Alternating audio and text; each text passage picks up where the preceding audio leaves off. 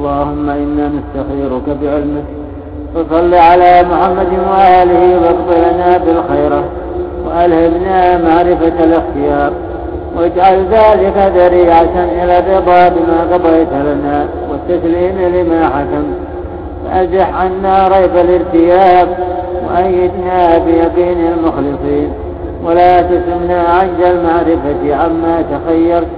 فنغمض قدرك ونكره موضع رضاك ونجنح إلى التي هي أبعد من حسن العاقبة وأقرب إلى ضد العافية. حبب إلينا ما نكره من قضائك وسهل علينا ما نستصعب من حكمك.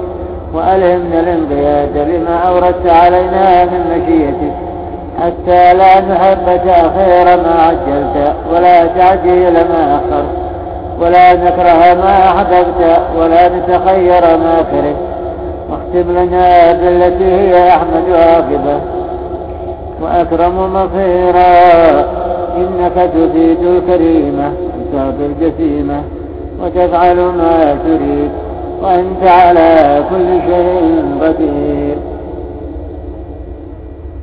اللهم لك الحمد على سترك بعد علمك ومعافاتك بعد خبرك فكلنا قد اقترف العائبة فلم تشهر وارتكب الفاحشة فلم تفضح وتستر بالمساوي فلم تدلل عليه كم نهي لك قد أتينا وأمر قد وقفتنا عليه بتعتنا وسيئات اكتسبناها خطيئة ارتكبناها كنت المطلع عليها دون الناظرين.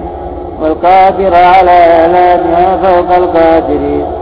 كانت عافيتك لنا حجابا دون أبصارهم وردما دون أسماعهم.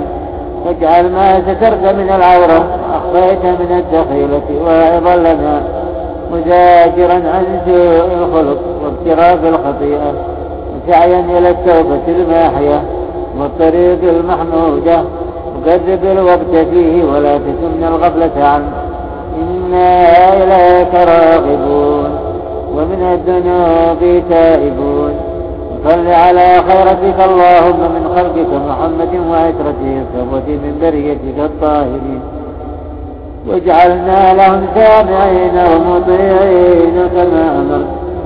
الحمد لله رضا بحكم الله. شهدنا أن الله قسم معايش عباده بالعدل. وأخذ على جميع خلقه بالفضل.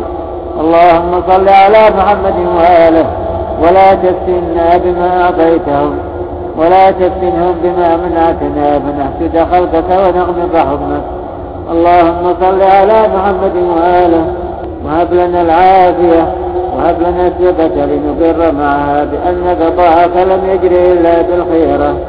واجعل شكرنا لك على ما جويت عنا. أوفر من شكرنا إياك على ما خولتنا.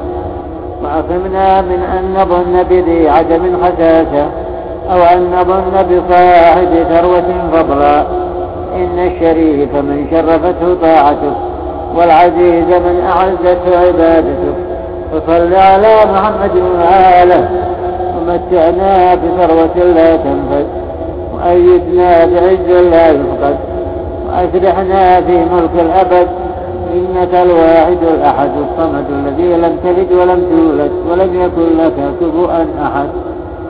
نسألك ذلك كله ببركة فاتحة الكتاب وسورة الإخلاص وآية الكرسي.